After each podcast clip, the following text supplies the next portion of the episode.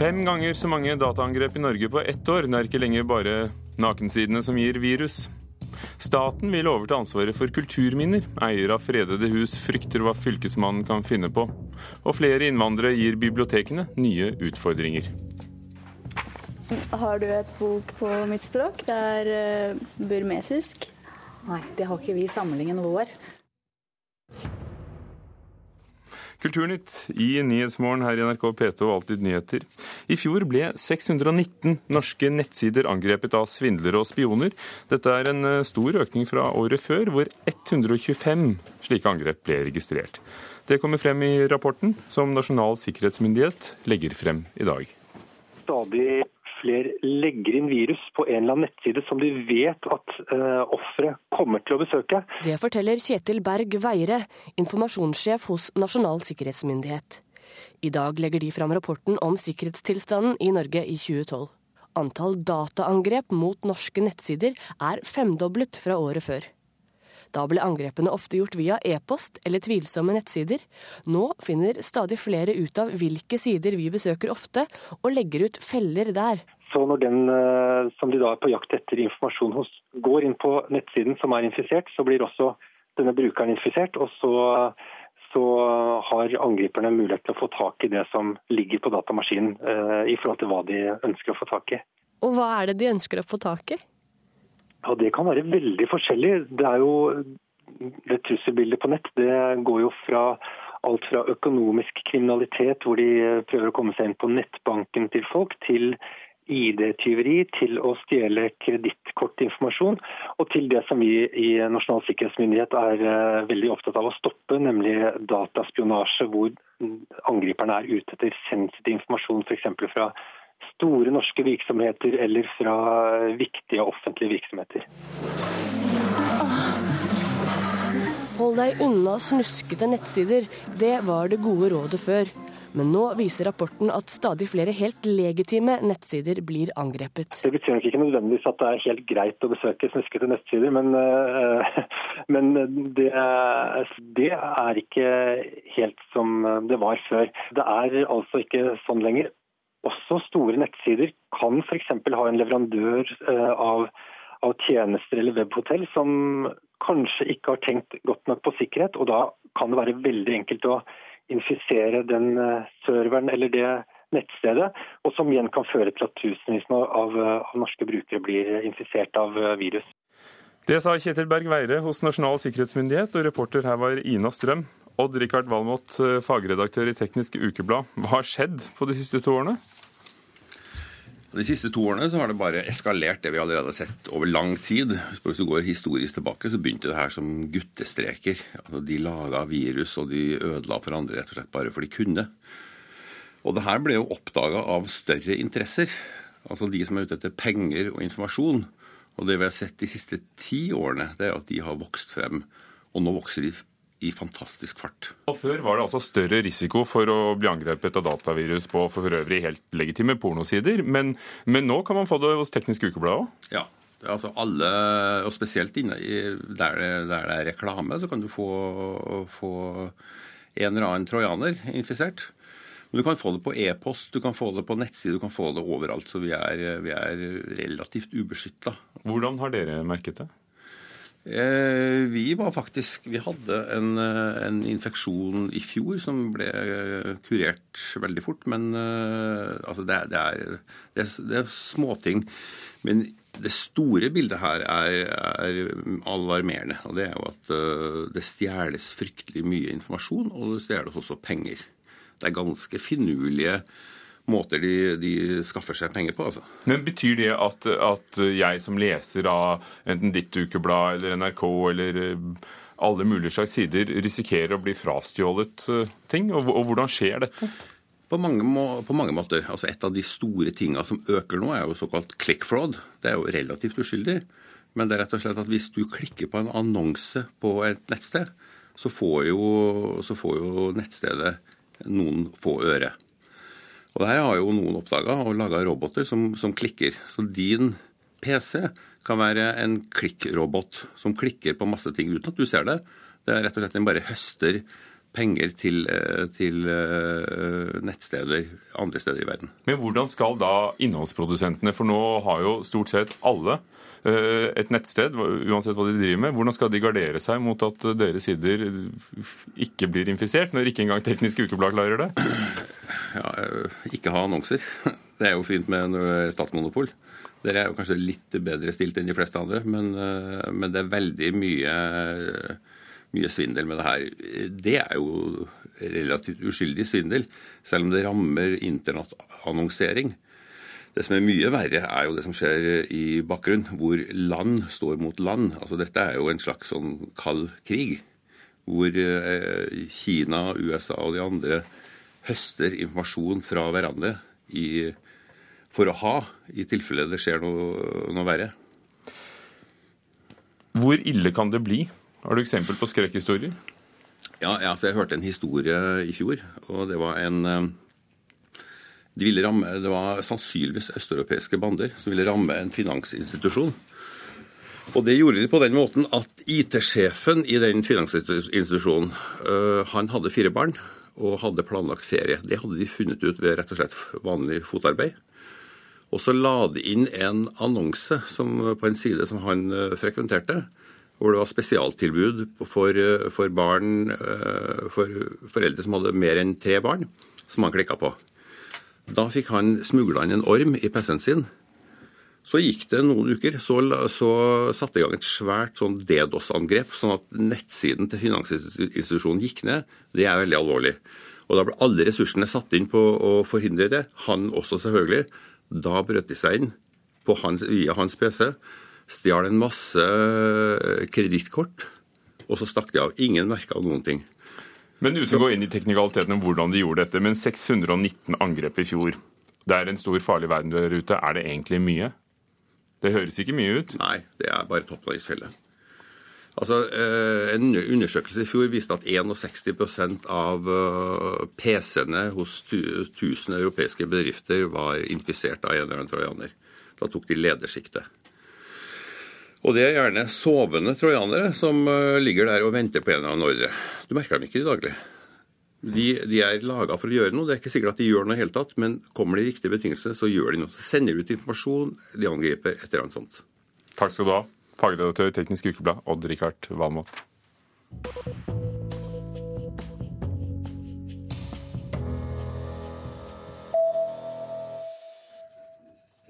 Britisk presse er på kollisjonskurs med regjeringen etter at de tre politiske partiene i går ble enige om å innføre en uavhengig overvåkningsorgan for media, som skal kunne tvinge aviser til å beklage fakta og gi bøter på opptil nesten 10 millioner kroner. Avisen The Independent har ryddet forsiden i dag for å fortelle at de største avisgruppene ikke vil samarbeide om en ny regulering av media. The Telegraph er også kritisk i sin lederartikkel i dag. Også Organisasjonen for samarbeid og sikkerhet i Europa, OECD, kritiserer statsminister Cameron og sier at telefonavlyttingsskandalen som står bak hele forslaget, ikke må brukes som en unnskyldning for å begrense ytringsfriheten. Amerikansk politi har identifisert personene bak tidenes største kunsttyveri. I mars 1990 ble et museum i Boston frastjålet 13 kunstverk av Rembrandt, Manet og Degas og flere andre kjente malere til en verdi av nær 3 milliarder norske kroner. Tyvene er, ifølge FBI, tilknyttet en kriminell organisasjon på østkysten, og nå konsentrerer politiet seg om å finne maleriene, sier FBI-etterforsker Jeff Kelly. With all the work that we've put into this case, uh, we've never received any information that the paintings have been destroyed. There's absolutely no incentive for anyone to try and hold on to this artwork. It's, it's worthless to anyone but the museum. Det vil aldri lønne seg å klamre seg til disse stjålne kunstverkene, sa etterforskeren. Det er uten verdi for andre enn museene. Og har du sett f.eks. Rembrandts selvportrett eller Vermeers konserten, så er det bare å ringe FBI. Dusøren er nemlig på fem millioner dollar. Arbeiderpartiet i Oslo liker ikke tanken på at Oslo kino kan bli solgt til det svenske investeringsselskapet Ratos. I går ble det klart at Rasos kjøper opp SF kino i Sverige og slår det sammen med finske Finn kino. Dermed blir selskapet den største aktøren på eiersiden i det skandinaviske kinomarkedet. Oslo kino er til salgs og kan være et interessant investeringsobjekt for Ratos. Nestleder i kulturkomiteen i Oslo kommune, Andreas Halse, er skeptisk. En av grunnene til at vi var mot salget av Oslo kino, eh, og fortsatt er det, er jo at vi ikke ønsket at eh, kinoen skulle overlates til eh, noen som først og fremst har profitt som motiv. Vi mener at kinoen spiller en rolle, viktig rolle i kulturlivet i Oslo, og det er viktig å, å, sørge for at det fortsetter å være. og Derfor er jeg skeptisk til et sånt investeringsselskap, at det skal ta over Oslo kino.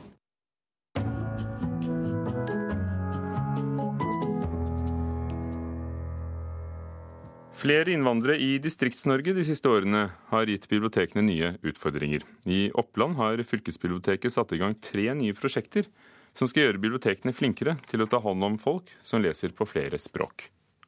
Har du et bok på mitt språk? Det er uh, burmesisk. Nei, det har ikke vi i samlingen vår. Mulai Etinchi fra Burma finner ikke bøker på morsmålet sitt på biblioteket på Gjøvik. Det er jo for uh, søstera mi, da, fordi hun skal prøve å lære seg norsk. Men eh, det er ikke på språket mitt, så det blir litt vanskelig. Mulai er en av mange innvandrere som bruker bibliotekene ofte. Ja, nesten hver dag. Jeg liker å være på bibliotek, gjøre lekser og sånn. De siste åra er det blitt stadig flere flerkulturelle også i Distrikts-Norge. Mange innvandrere er flittige brukere av biblioteket, sier sjefbibliotekar Tone Nysæter på Gjøvik bibliotek. Mange nasjonaliteter er hver eneste dag. De bruker mye internett, sitter på PC-er, og så bruker de det som møteplass. Sitter her og prater sammen og drikker kaffe og ja, treffes her. Bibliotekar Solfrid Bråstad mener biblioteket ikke klarer å dekke behovene til alle. Så det har jo tatt seg opp med antall innvandrere her. Og da er det klart vi burde hatt mer bøker, mer lydbøker, tilbud som de kan altså norskopplæring. Vi, vi har jo begrensa budsjetter å kjøpe for, så vi må jo alltid kjøpe på etterspørsel. Så der hvor det er liksom mange av ett språk, så, så, pleier vi å kjøpe inn selv til samlingen vår, da. Men ellers så bruker vi det her flerspråklige biblioteket på, på Deichman veldig mye. Nå er fylkesbiblioteket i Oppland med støtte av Nasjonalbiblioteket, EØS og EU-midler med på hele tre prosjekter som skal gi flerkulturelle bedre hjelp og tjenester på bibliotekene. Absolutt et behov. Eh, barna går jo gjerne på skole og lærer seg språket, men foreldrene har kanskje ikke det sosiale nettverket som eh, vi nordmenn har, og trenger å ha et møteplass og lære både språk og kultur. Rådgiver ved Oppland fylkesbibliotek Silje Torp mener bibliotekene spiller en viktig rolle i integreringa av nye landsmenn. Kjempeviktig. Biblioteket eh, er en møteplass. Det er både ung, gammel, rik, fattig, innvandrere, norske. Alle kommer til biblioteket. Og det er gratis. Kjempeviktig. Prosjektene går bl.a. ut på at bibliotek kan søke om penger til innkjøp og samarbeide med andre organisasjoner og frivillige og offentlige etater. Mange Eh, folkebibliotek er veldig små. Kanskje det er én-to ansatte. Da er det ikke så mye tid og ressurser til å bruke på eh, annet enn daglig drift. Men hvis du får en sånn lite, litt penger og litt tid, og oppmuntring til å samarbeide, så kanskje man får til eh, mer. Er du sikker på at de har det i alle språk? Helt sikkert. I Gjøvik får bl.a. fremmedspråklige kvinner norsktrening på biblioteket en dag i uka. Bare En onsdag var det faktisk da var det 13 damer her fra 13 forskjellige land. Arabisk, farsi, og somalisk og tysk. Altså det er alle, alle fremmedspråklige barnebøker. Der er veldig mye utlånt hele tiden. her da. Her kunne vært plass til mer. Biblioteksjefen i Gjøvik, Tone Nysæter, er positiv til at fylkesbiblioteket nå satser ekstra på å styrke tilbudene til flerkulturelle, men ønsker mest av alt mer penger til å styrke innkjøpene. Det vi har sett når vi prøver å gjøre prosjekter, er at det er jo ikke én gruppe. De er jo like individuelle som alle oss. Så det kan være litt vanskelig å gjøre noen prosjekter som er retta mot, mot én spesiell ting. Sånn at det, den beste måten er på en måte å styrke innkjøpsbudsjettene, sånn at man kan kjøpe mer av det de vil ha. Det var eh, om bibliotekene, og Stein Eide hadde laget denne reportasjen hvor han traff bl.a. biblioteksjef i Gjøvik, Tone Nysæter. Klokken er 19 minutter over åtte dører på Nyhetsmorgen. Overskriftene mange norske bedrifter kan bli langt bedre til å beskytte seg mot dataangrep, mener IT-gründer. Fire Arbeiderpartirepresentanter på Stortinget vil kvitte seg med kongedømmet. Og Klubb 7-generasjonen rører på seg og leverer glimrende jazz på ny plate, som vår anmelder har hørt, og som han forteller om senere i Kulturnytt. Regjeringen vil eh, overføre ansvaret for kulturminner til staten. I dag er det fylkeskommunene som gjør dette. Flere av dem som driver med kulturminnevern, kritiserer forslaget. Eldstehuset er en, et middelalderloft. Langloft fra 1300-tallet. Det med klukketårn der. Stig Grytting viser frem gården Sygard Grytting. Han eier den 700 år gamle gården i Sør-Fron i Gudbrandsdalen, og er leder av Foreningen for eiere av freda hus i Nord-Gudbrandsdalen, og fylkesmedlem i Foreningen Fredet. Nå foreslår regjeringen å flytte ansvaret for kulturminnevern fra fylkespolitikerne til staten ved fylkesmennene. Dette synes ikke Grytting noe om. Eh, også veldig utrygge på den eh, utviklinga der. Eh, slik vi kjenner Fylkesmannen, så står de for en eh, ekstrem vernestrategi. Altså en slags forbuds- og nei-kultur, i stedet for en utviklings- og mulighetskultur. Og å få fylkesmenn eh, inn og regjere på tunet av heimen vår virker skremmende. Kulturminner tror vi òg vil drukne i, blant nasjonalparker villrein og rovdyr. Vi har fått et brev fra mm, statsråd Bård Vegar Solhjell. Gryting får støtte fra fylkeskultursjefen i Hordaland, Anna Elisa Tryti. Det mest alvorlige er jo at eh, da blir kulturminneforvaltningen avpolitisert. Og eh, unndratt eh, regional politisk styring. Hun mener dette er noe lokalpolitikerne bør ta seg av.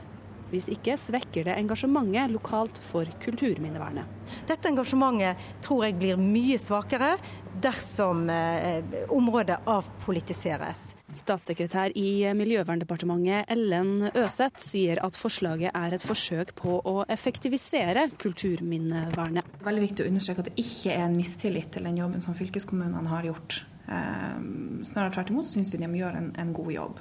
Eh, det vi forsøker på, er å se om det finnes eh, muligheter for å effektivisere deler av arbeidet med dette med innsigelser. Og siden det er en forsøksordning, så er det en frivillighet i grunn. Så spør vi rett og slett om det er fylkeskommuner og fylkesmenn som ønsker å være med på å teste ut om det er måter vi kan effektivisere det på. Ja, eller loftet, da. Det er laftekassa i to etasjer som er Stig Rytting håper at regjeringen kommer på andre tanker. Det kan hende at det er en effektivisering fra statens side, men jeg tviler på at det er en effektivisering fra eierens side. For det blir, enda, det blir en enda tyngre og lengre vei å gå for eieren. Og flere av statens menn, fylkesmennene, ønsker å være med i forsøket, og avgjørelsen om hvilke fylker det blir, kommer om kort tid, ifølge Miljøverndepartementet. Reporter var Eirin Venås Sivertsen. Ola Fjellheim, påtroppende generalsekretær i Fortidsminneforeningen. Hvem vil dette bety noe for? Nei, um, Det her vil ikke ha så stor betydning for eiere av freda bygg. Dette handler mest om arealforvaltning.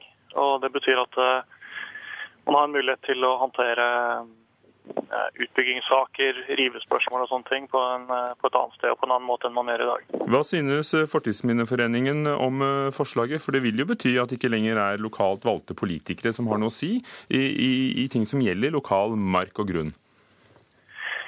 Nei, Fortidsminneforeningen ser positivt på dette forsøket. fordi sånn som vi ser det i dag, så er en av de store problemene i kulturminnevernet er at de bygg og anlegg og kulturmiljøer som ikke på en måte anses som gode nok til å bli freda, og det er veldig mange, de ja, fylkespolitikerne har vært lite flinke til å passe på.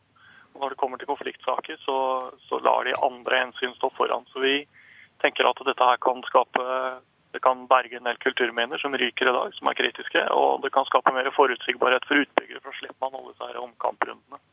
Men eh, er det ikke nettopp som eh, en av eierne sa i reportasjen, at eh, det kulturminner trenger, er utvikling og ikke alltid vern? Og det kan være riktig. Eh, men det er klart at for kulturminnes del, hvis det fjernes, så, så er det borte vekk. og da, da, er det ingen omkamper å ta. Og det, det, at nettopp det er det som skjer, er jo et uh, sikkert signal om at dette her er noe man må tenke seg grundig om på. At det kanskje ikke skal være kortsiktige interesser lokalt som skal avgjøre om kulturminnet skal stå eller ikke. Rives det, så er det borte for alltid. Betyr det at uh, lokalpolitikerne har vært for slepphendte i praktiseringen av kulturminnevernet, og derfor mister de nå muligheten til å gjøre det? Altså, I en del fylkeskommuner så har fylkespolitikerne helt klart vist at de ikke er interessert i å ta ansvar for lokale kulturminner når det kommer til konfliktsaker. Eh, tydelig eksempel på, eh, i Buskerud, hvor Furuheim ble revet fordi man satte helt andre hensyn foran Noe som i dag har vist seg totalt bortkasta i og med at tomta fortsatt er tom. Så, så det er sånn at um, en del fylkeskommuner har ikke vist seg oppgaven verdig, og da er det viktig at vi får prøve andre metoder. Takk skal du ha. Det mente altså du, påtroppende generalsekretær i Fortidsminneforeningen, Ola Fjellheim.